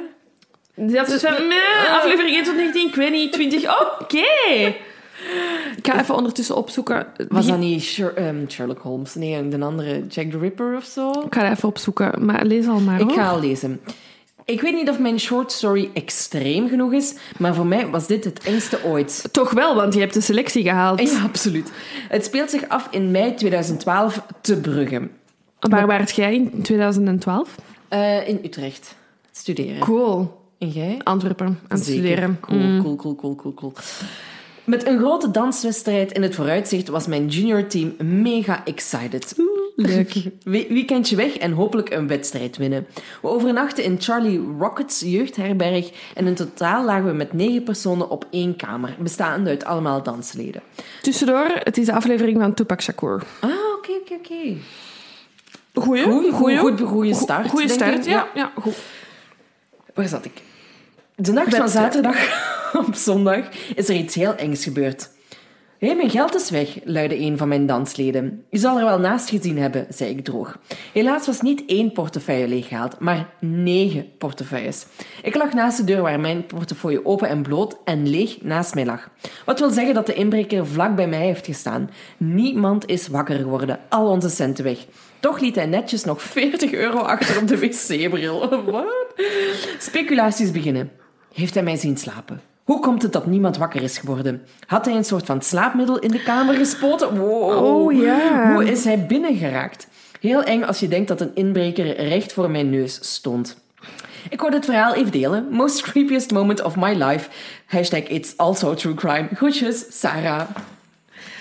Dit is Oh, echt mijn dus- grootste ja, angst. ik wou net zeggen, een van mijn grootste nachtmerries. Gewoon, ook als ik thuis ben, nu nog, en ik ben alleen, ben ik echt als de dood dat er iemand... eh allee, dat is dan zo'n idee, hè, dat je gaat van de ene ruimte naar de andere ruimte en je denkt, ja, daar gaat nu iemand staan, ja. Ja, ja, ja. Het ding is ook, ik ben, ehm, ik ben heel impulsief. En moest ik ooit... Of ik, ik schat mezelf toch zo in dat moest ik ooit iemand tegenkomen, een inbreker, ik denk dat ik iets heel dom zou doen. En dat ik echt Ja. mijn eigen leven op spel zou zetten, omdat ik zoiets dom zou doen. Ik zou daar echt nog naartoe gaan of iets Van, hey, zeggen. gast, ja, ja en, en ik zou echt nog iets voor kunnen hebben. Ehm, ja, nee, en toen inderdaad, denk ik, ja, een paar weken geleden hè, ben ik wakker geworden Ja. met het idee dat er inbrekers in mijn huis waren en ben ik die gaan opzoeken in mijn blote. Ehm, dus ik ken het. Maar al goed dat, ze, dat niemand is wakker geworden. Ik weet dat niet. Wat heb je het liefst? Ik moet dat niet weten, hoor.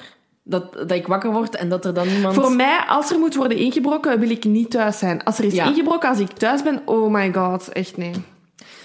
Ik denk dat je daarna... Ik denk dat je, denk ik, hè, sneller kunt recu- recupereren van het feit dat iemand in je huis heeft ingebroken als je niet thuis bent, Ja. dan als je wel ja, thuis ja, bent. inderdaad. Denk ik.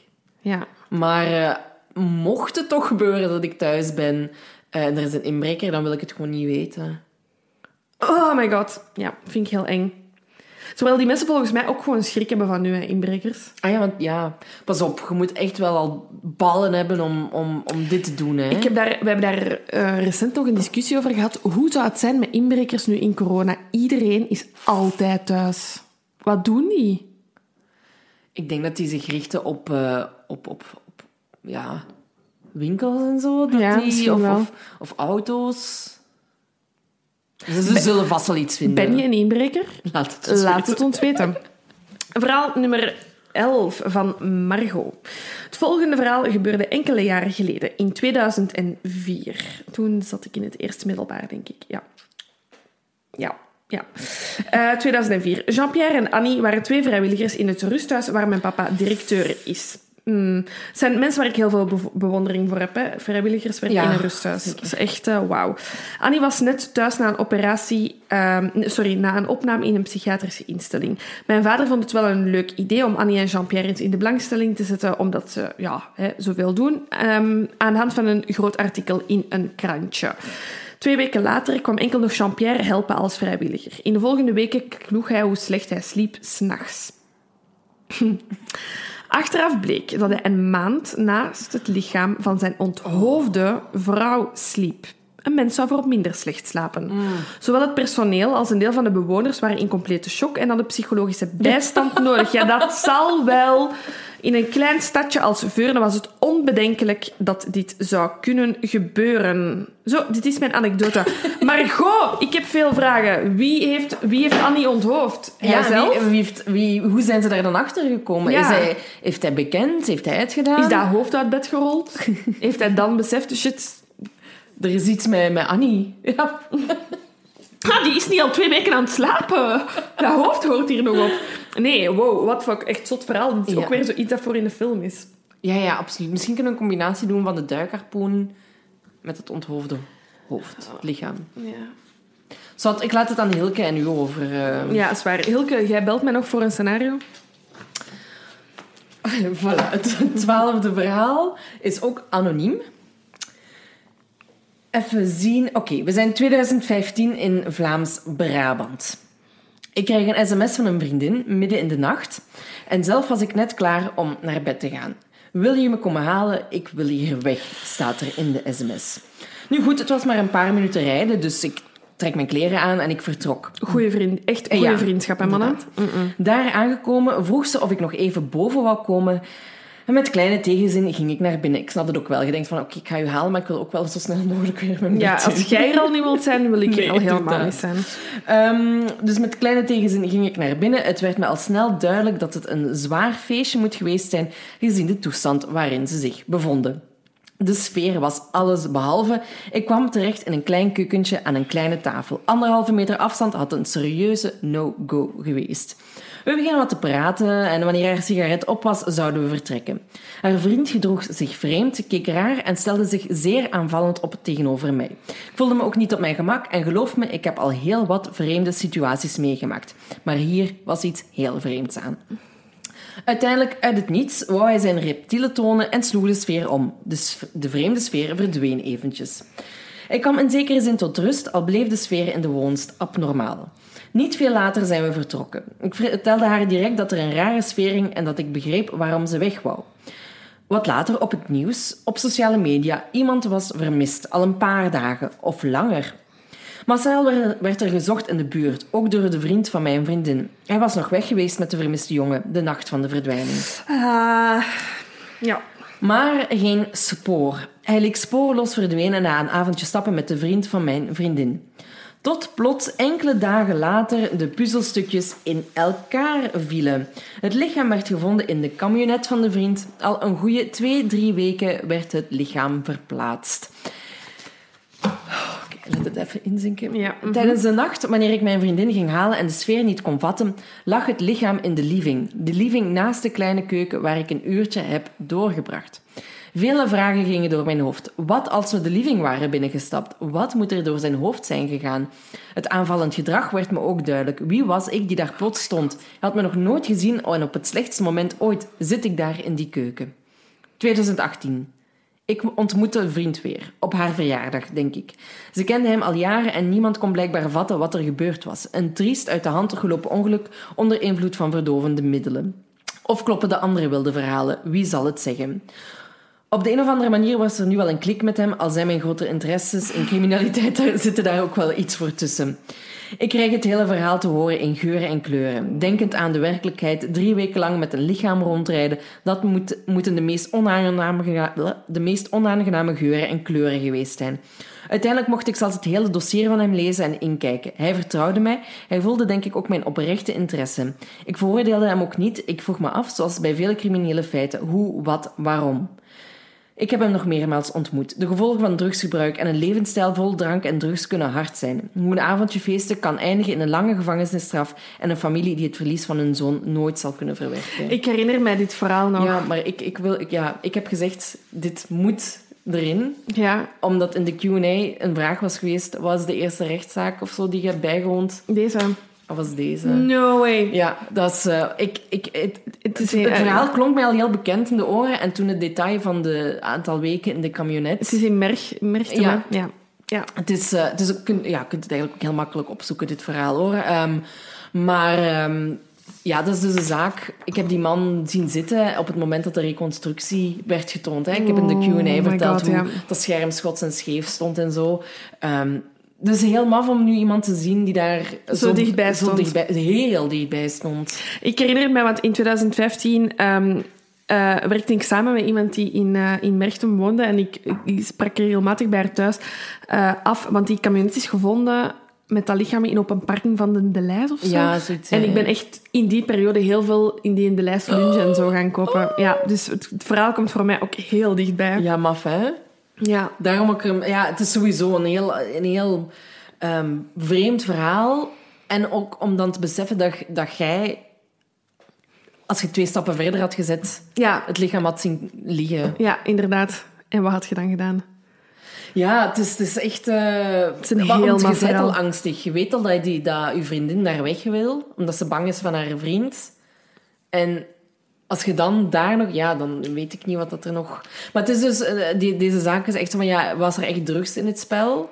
Of was het toch wel echt een bewuste moord? Moord. Dat is de vraag. Hij is wel veroordeeld. Ehm tot ja, een lange dan- gevangenisstraf, maar... eh, Ja, ja, ik weet niet hoe het zat. Waarschijnlijk was hij op, onder voorwaarden, onder afwachting van, van zijn proces. Ja, ja, ja. Ik weet niet meer de details hoor, maar eh, ja. Gek verhaal. gek verhaal. Verhaal 13 van Doreen. Hey Laura en Selke, ik ben jullie podcast beginnen luisteren tijdens de lockdown en ik was direct verkocht. Hiervoor luisterde ik naar My Favorite Murder, zalig. Maar jullie zijn nog leuker. Dat zijn grote complimenten. Dat zijn grote complimenten. En jullie reacties en meningen zijn heel herkenbaar. Swat. Sorry, Doreen komt uit Hasselt. En ze gebruikt SWAT. En jij doet ook echt niet anders. Dus voor mij is het gewoon even Silke. SWAT. Ik heb een vrij zot verhaal. En inderdaad, eh Doreen heeft een vrij zot verhaal. In 2009 werkte ik als hotelreceptionist in Hasselt. Een vrij klein hotel, dus ik deed zowel de check-in als reservaties, administratie, ontbijt, etc. Op een vrijdagavond checkt er een sympathiek koppel in en daar hoort altijd een beetje small talk bij. Ze zijn nog niet lang samen, hij is Hasselaar en hij wil zijn nieuwe vriendin op een weekendje in zijn stad Snap rondleiden. ja, ik. cute, echt goed. Ehm, tot zover.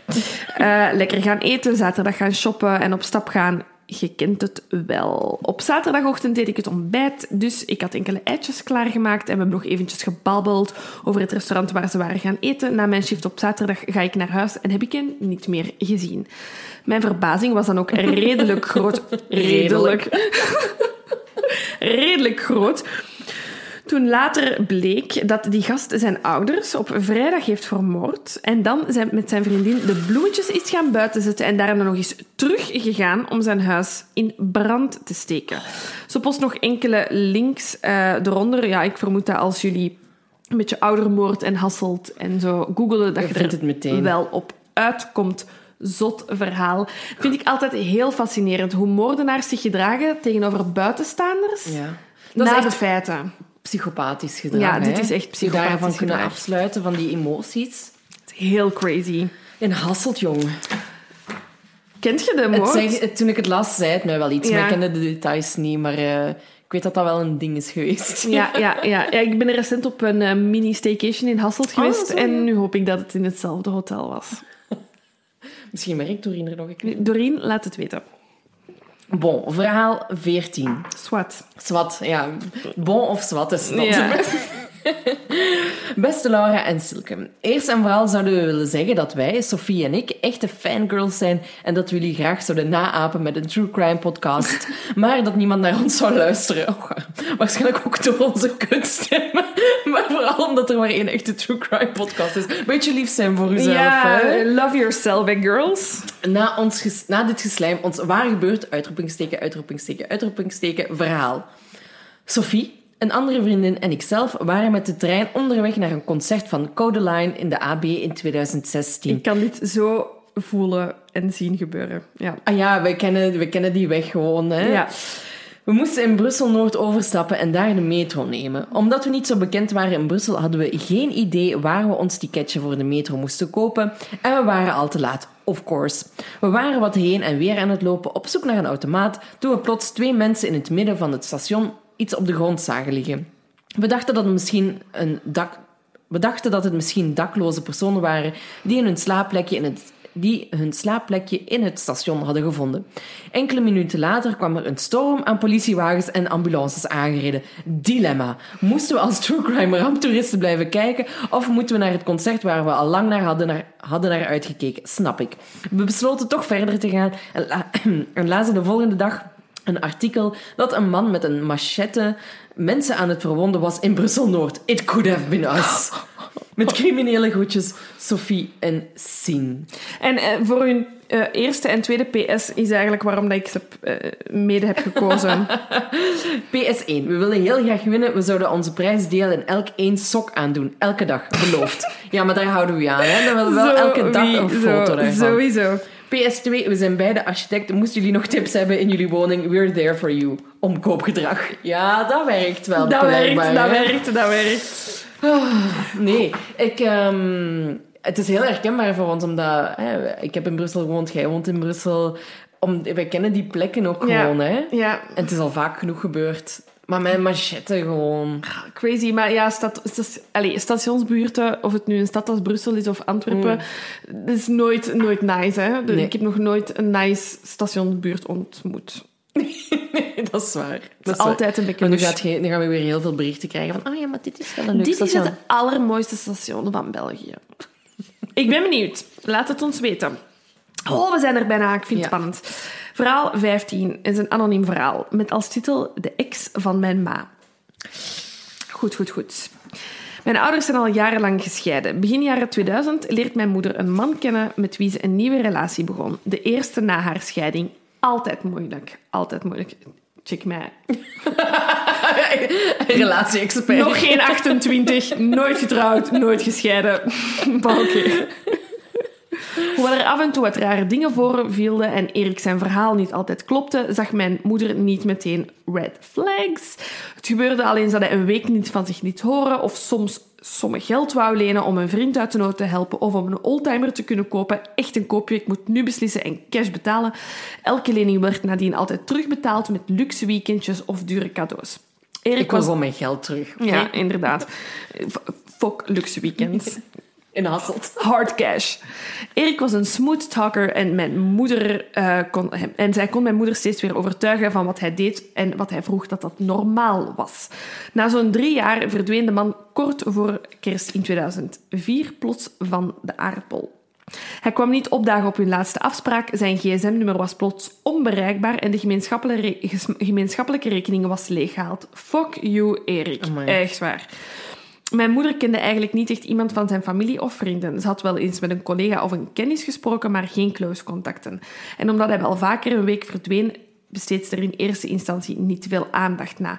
aan. Na twee weken deed ze dan toch navraag bij de politie en toen kwam er ineens een andere Erik aan het licht. Oh, dit moet zo'n vermoeiende relatie geweest zijn. Als je al ervan uitgaat dat een persoon die een week niks van zich laat horen... Dat dat normaal is. Mm, oh, niet leuk.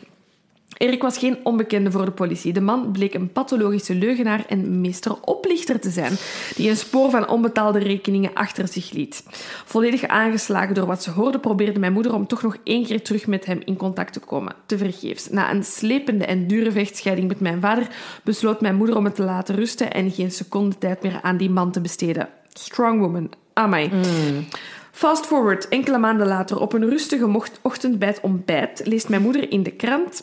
Leest mijn moeder de krant en ziet ze ineens Erik zijn naam opduiken. De man is Was te verwachten, hè? Mhm, ja, dit, dit is echt een accident waiting to happen. De man is opgepakt op verdenking van moord van zijn minares. De man zit een levenslange gevangenisstraf uit. Achteraf bleek dus dat de hele relatie een leugen was geweest en Erik meerdere minaressen had. We mogen er niet aan denken wat er was gebeurd als mijn moeder hem niet ineens in de steek had gelaten of als ze meer moeite had gedaan om hem terug te vinden, ehm, om haar geld terug te eisen of als zij degene was met een goede levensverzekering. Oh, man. Dit is weer zo'n verhaal. It could have been me. Wat, zo, wat een manipulatie gewoon ook. En leugens. En je komt dan net uit een scheiding. Je bent zeer, zeer kwetsbaar. En dan trekt je de foute persoon aan. Ja. En dan gewoon nog x aantal jaren van miserie. Nee, nee, nee. Amai, Kakgast. heel heftig. Ja. Maar ja, En dus weer al een sterke vrouw die zich hier toch weet uit ja, te trekken. absoluut. Chic. Ja, heeft ze heel goed eh, aangepakt. Ja, en om dan te weten dat er toch nog een slachtoffer is gevallen. Hè. Dus, allee, ik ben blij dat het uiteraard haar moeder niet is, maar het had er even goed kunnen zijn. Maar het is gewoon super jammer dat er weer iemand een slachtoffer moet zijn voordat er iets aan gedaan kan worden. hè. Ja, inderdaad. Verhaal 16, Ja. voorlaatste, Oh, we zijn er bijna. Ja. van eh Anneleen. Hey, topgerieten van de Volksjury. En Anneleen, heeft zo, en heeft zoiets van... Ik ga met de deur in huis vallen. Ik ben gedoopt in het dorp, doopjurkje van Nathalie Gijsbrecht. Again, true crime fans gaan haar naam wel kennen. hè. Is... We gaan de volgende aflevering over haar doen. Ja, We gaan het gewoon doen. ja. Ehm, Mijn ouders waren op het moment van haar ontvoering heel goed bevriend met de ouders van Nathalie. Zij hebben haar helpen zoeken tijdens de verschillende zoekacties, maar tot op heden is er nog altijd geen spoor van haar. Op de herdenking van Nathalie was mijn mama hoogzwanger van mij en ze wilde als een soort van eerbetoon een stukje van Nathalie erbij hebben.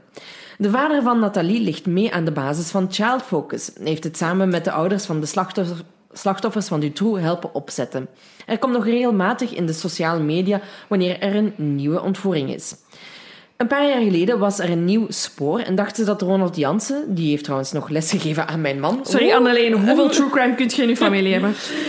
Uh, er iets mee te maken zou hebben, aangezien hij rond diezelfde periode verschillende meisjes verkracht had in de buurt van Leuven.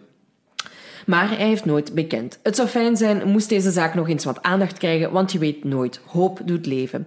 Ik ben er trouwens zeker van dat als jullie hem zouden contacteren, hij zeker zou openstaan voor een gesprek. En ik dacht trouwens eerst dat ze hier bedoelde Ronald Jansen. nee, daar wil ik ook echt niet mee bellen. Groetjes, Anneleen. Uh, Ja, de verdwijning van Nathalie uh, Gijsberg ligt gevoelig bij ons. Uh, het is, um, ik ben naar school gegaan uh, in, het, uh, in het dorp waar, waar Nathalie onderweg naar was met de bus. Uh, het is zo vaak ter sprake gekomen. En ze, ze, is verdwenen in, in Leefdaal. Ik, ik ben naar school gegaan in Tervuren. Mensen uit Leefdaal gingen naar Tervuren naar school. Zo ging dat. dus het is een zaak die ja, bij mij ook ja, die zit altijd in mijn achterhoofd. Ja. Um, ik heb recent ook, ik heb je denk ik doorgestuurd, geluisterd naar um, een aflevering van Radio 1, weet ik veel. Ja, nog over, niet Over ja. um, de zelfvermiste personen. En daar komt deze zaak ook weer ter sprake. Ja, het is, het is een, een, een onopgeloste verdwijning. Ja. Moeilijke, moeilijke zaak. Maar we, we gaan hem doen, hè. Ja? Ja, ja het is aan u om te kiezen, hè. Dus. Maar ja, op uw advies zullen we deze zaak doen. Nee, nee, ik ben, ben ook heel benieuwd naar deze zaak sowieso. Ja, dus, het, is een, uh, het is een moeilijke zaak. Het is gewoon een, een meisje die op een dag de bus naar school neemt en verdwijnt. verdwijnt. Oh. Ja. Inderdaad, een zaak dat dus aandacht verdient. Zeker. Um, dus dat gaan we gewoon volgende week doen. En misschien moeten we, moeten we een keer proberen om iemand te contacteren. Ik ben wel eens benieuwd. We kunnen dus proberen, ja, dat is goed. We zijn hier weer allemaal valse beloftes aan het maken. Hè. Nee, we gaan dat wel doen. We gaan dat wel doen, maar het is, ja, ja, ja, ja. Goed, de laatste. En hier wil ik... Het is goed dat ik deze op, op het einde heb. Alexander. Alexander, en ik weet niet... Ik, ik weet niet waarom dat dat altijd gebeurt, maar altijd als wij een oproep doen, zijn er mensen die er duizend jaar te laat iets insturen. Dus we hadden eigenlijk... We hadden eerst gezegd dat we er dan uiteindelijk maar 15 verhalen gingen kiezen. We hebben dan kwamen we er niet, dus dan hebben we er 16 gekozen. En dan stuurt Alexander... Ah ja, ik heb nog een verhaal. Ja, sorry, ik ben veel te laat. Het maakt niet uit, ik wil niet meer meedoen voor de giveaway. Daarover gaat het niet. Ik wil wel mijn verhaal delen. En dan, bam, dit. Het is ook heel goed geschreven. Dit heeft, dit heeft mij misschien ook een beetje ja, over de streep getrokken. Uh, Alexander, introvolg. Hou me aan de deadlines, please. Maar goed, goed verhaal. In 2010 kocht ik samen met mijn toenmalige vriendin een huis. Het was een eenvoudige starterswoning, twee slaapkamers, simpele keuken, living, badkamer, hobbykamer en een vrij grote tuin met daarin een hele mooie Japanse kerselaar. Het huis is gelegen in een vrij gezellige buurt in een klein West-Vlaams dorp. Het dateert van 1945 en het was in 2009 van vloer tot de nok tot, aan het, tot in het dak volledig gerenoveerd. Kortom, alles erop en eraan om van start te gaan. We waren twee keer op huisbezoek geweest en het was uh, pas de dag uh, na het tweede huisbezoek dat we een bod hebben gedaan op het huis. Tijdens die huisbezoeken had de makelaar uiteraard alleen maar positieve punten van het huis aangehaald. We brachten een bod uit en het werd aanvaard. Vier maanden later, in juni 2010, namen we onze intrek. Kort na de verhuis had ik gemerkt dat er een waterput in de tuin zat. Alleen was die dichtgemetseld. Het water naar de toiletten was stadswater en geen regenwater, wat in de meeste huizen met een waterput wel het geval is. Ik vond het raar, maar ik besteed er verder geen aandacht aan. Zalig, deze is echt zo renovation Ja, buddies. inderdaad. Zo gaat dat. Waterput, mm, dat is goed voor een wc. Bon. Al snel raakten we goed bevriend met de buren. Dus geen buren met zo geheime luikjes. Nee, nee, Goed. We hadden buren aan onze linkerzijde, rechterzijde en achterzijde. Allemaal vriendelijke mensen met wie we regelmatig een gezellig praatje maken over de Haag. We konden bij buren terecht als we hulp nodig hadden en zij uiteraard bij ons. Onze achterbuur Jozef had een nieuwe motto gekocht en uiteraard wou hij die graag eens showen. Ikzelf ben een liefhebber, dus ik ging heel graag in op zijn aanbod om zijn nieuwe machine te gaan aanschouwen. Het was warm, dus achteraf vroeg ik of hij een pintje wou drinken onder onze Japanse kerstelaar. Zo gezegd, zo gedaan. Hij zette zijn motor terug in de garage, sloot de poort en wandelde mee tot in onze tuin. Hij, dus, hij zette zich al onder de kerstlaar en ik liep naar binnen voor de drankjes. Iets later zetten we ons neer om een gezellig gesprek te voeren. Mm Ik voel hem al aankomen. Op een gegeven moment begint hij te vertellen over de mensen van, die in het huis woonden voor de mensen van wie dat wij het gekocht hebben. Hij vertelt over een ouder koppel, koppel Jules en Georgette, die daar al woonden voor Jozef daar halverwege de jaren 90 was gaan wonen. Jules had het, uh, had het huis samen met, met Georgette gebouwd, halfweg de jaren 40.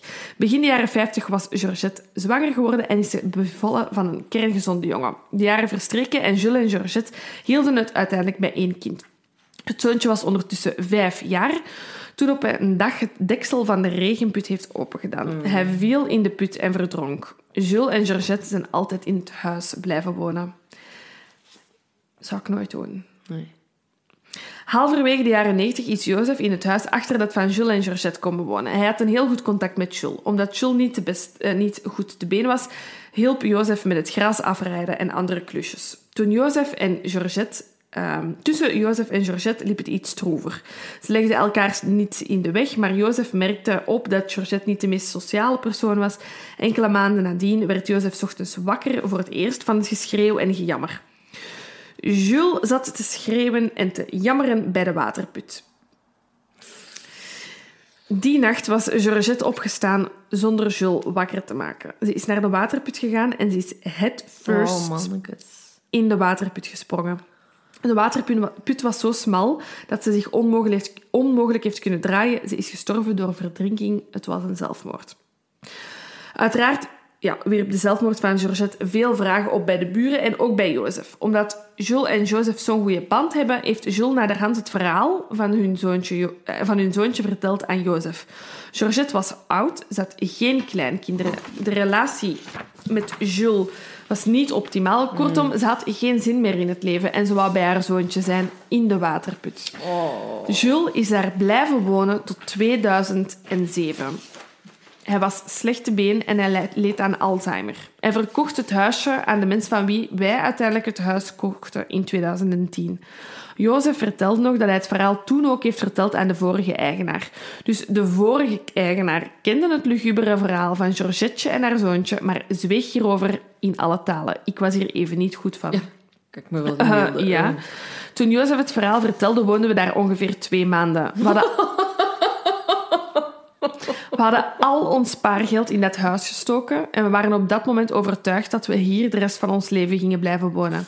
Ik heb daar wekenlang elke nacht mee in mijn hoofd gezeten. En soms als ik wakker werd s'nachts, hoorde ik geluidjes en dan leek het altijd alsof dat de geest van Georgette opnieuw met haar zoontje in de thuis zat. Creepy. Uiteindelijk hebben we het huis in 2014 verkocht om ergens anders een huis te bouwen. Ik heb getracht om alles te controleren op juistheid en omwille van privacyredenen ben ik op veel muur gebotst. Maar ik heb veel van, van, veel andere mensen in de wijk vernomen dat Jules en Georgette in 1952 een zoontje hebben gekregen en dat dat zoontje uiteraard verdronken is in de waterput. En dan hebben we nog twee foto's gekregen ja. van de waterput en van de Japanse kerselaar. Oeh, ik mag wel hopen, Alexander, dat aan wie dat je het verkocht hebt, je wel eerlijk bent geweest over wat dat er gebeurd is. Maar... Uh... Ik heb altijd gezegd in, in, in afleveringen dat ik um, heel graag de geschiedenis van mijn huis wil weten. Mm -mm. Tot, tot ik vanmiddag dit verhaal las en ik dacht, never mind. Uh, laat, laat, laat mij maar dromen over wat er allemaal in dit huis is gebeurd, maar ik hoef het echt niet te weten. Nee, want het kan zoveel verpesten ook. Hè? Mm -hmm. Allee, tot, heeft, heeft daar, ze hebben daar twee maanden gewoond zonder zorgen. En maar dan je opeens ziet, ja, ze zijn, begint je van alles te horen en te linken aan dat verhaal. Mhm. Ik denk dat ik het ook niet per se hoef te weten. Nee, ik hoef het echt niet te weten. Maar ik vind wel dat ze eerlijk hadden moeten zijn voordat de verkoop was doorgegaan. Het doet mij enorm denken aan um, seizoen twee of drie van American um, Horror Story. Had van ik ook, nooit gezien. Ook een, een, ja, de aankoop van een huis waar een hele geschiedenis aanhangt. Ja, het is een goede start van een horrorfilm. Oh, gewoon. zeker. Absoluut. Alexander, ga ook maar eens een script schrijven. Ja, ja. eh, wo- Wow. No offense, maar we hebben hier echt 17, Ziet dat. 17 goede films. Zeg, om, de, om, om, om te bepalen wie, zal ik dit even schudden en dat je dan... eh, En ik trek? Trekt? Ben ik de onschuldige hand? Jij bent de onschuldige hand. Oké. Wacht, laat me even... zal even- eh, even gewoon schudden. Een secondje, hè. Je ziet, we zijn supergoed voorbereid. En nu moet ik die nog zo allemaal eh, gespreid kunnen krijgen, natuurlijk. Ik, ik zal ondertussen ook even herhalen. Ehm, de giveaway betreft drie mondmaskers, één paar sokken worden opgestuurd naar de winnaar van dit verhaal. Ehm, ja, voor, voor mij zijn jullie allemaal winnaars. Eh, alle honderd verhalen. Ehm, uiteraard hoop ik stiekem dat onze twee architecten winnen, want ik heb nog een zolder waarvan alles moet gebeuren. Bon, ik heb dit een beetje... Ik ga dit gewoon zo'n beetje spreiden hier. Ja, ja, ja. En dan, eh, ja, de Ja, als- hand van Laura. Als het een anoniem verhaal is, ik zal wel even de korte inhoud van het verhaal geven, zodat die persoon het weet. En eh, we contacteren jullie ehm, eh, vrijdag dan. En misschien dat het wel spannend is om het live te horen dan dat je bent gewonnen. Ah, ja, ja, ja, Eerder dan... Ik denk het ook. En dan sturen we vrijdag een berichtje. Wacht, Ja, ja, al. Of nee, weet je wat? De winnaar moet ons maar een berichtje sturen. Oeh, dat is wel louche. Allee, ik bedoel, risky, nee? Maar nee, ik weet, wij weten wie dat, dat is. Hè? Ja, ja, ik weet het, maar wie weet is die ondertussen al gestopt met luisteren. Misschien haat hij ons al. Bon, is wat, hè. Ik ga dit zo doen en dan... Het zijn te veel papieren, jong. Het zijn echt te veel papieren. Zie ons hier sukkelen. Ik zou zeggen, trek daar een uit, maar dat is niet... Dat is niet eerlijk. Oh, het is te veel. Ik ga dit, mijn micro even aan de kant zetten. Ja, de mijne is ook even weg, hè? Oké, ik ben er bijna. Jullie Ik echt al mannetjes. Gewoon al hiervoor moeten jullie kijken naar het beeld, hè? Want het is echt al goed. Ik wist dat we iets waren vergeten op voorhand. Ja, ja. En dan moet jij maar een beetje graaien erin, hè. Oké, we zijn er. Graaien. Tromroffel.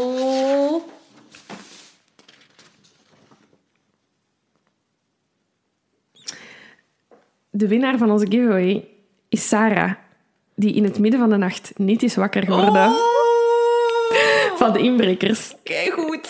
In de, eh, ja, wat was het? Tijdens haar dansstage optreden. ja. Proficiat, Sarah. Sarah, je bent gewonnen! Bedankt voor uw verhaal. Kijk goed. Sarah, ik, eh, ik hoop dat je luistert naar onze aflevering en dat je ons een mailtje stuurt. En anders zullen we jou wel een mailtje Ja, ja, sturen. ja, we contacteren jullie wel. Ja, maar echt een verhaal dat ik nooit... Allee, alle verhalen die ik hier heb gelezen, is ook niet willen meemaken. Maar deze vind ik toch ook echt eh, Een heel goeie. een heel goeie. Oké, Wow, alle papieren terug aan de kant. Ja, dit was, dit was heel leuk. Ik hoop... Tof, ik, hè? ik, ik ben benieuwd wat dat jullie ervan vonden. Want dit is eh, ja, voor ons... Ja, Voilà. fuck de papieren.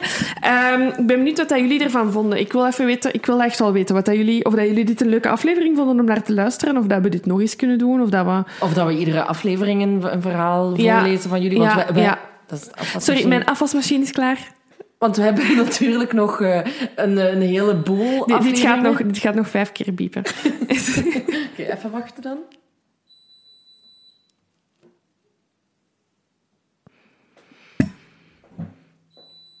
Ja, ja, maar echt...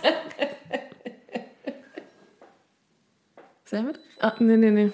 Deze was denk ik de laatste. Ja, dus om maar te zeggen, we hebben nog veel verhalen waar we ook zeker iets mee willen doen. hè. We hebben nu maar eh, een selectie gemaakt. En zoals gezegd vonden we heel veel verhalen goed. Ehm, dus daar willen we zeker ook nog iets mee doen. Maar we Ja. weten nog niet zo goed wat. Ja, of als jullie andere dingen eens van ons willen horen, ehm, dan onopgeloste of opgeloste moordzaken of verdwijningen. Ja. Ja, laat het weten. Het was, eh, heel, ik vond het heel leuk. Ja, en ook het, het feit dat het gefilmd werd en zo, dat Oh. ook nog weer, was Ja. ook een heel eh, speciale ervaring. We zullen zien wat dat het geeft. En een kleine reminder dus nog eens, ehm, dat vanaf nu ons, ehm, ja, ons event online staat eigenlijk. Ehm, als jullie naar een live optreden van ons willen komen kijken, kan dat ook. Goed, dat was hem. Moeten we nu zwaaien naar de camera? Ik weet niet. eh, ja, oké, misschien moeten we... Oh my god, dit is zo awkward. Bye! Bye!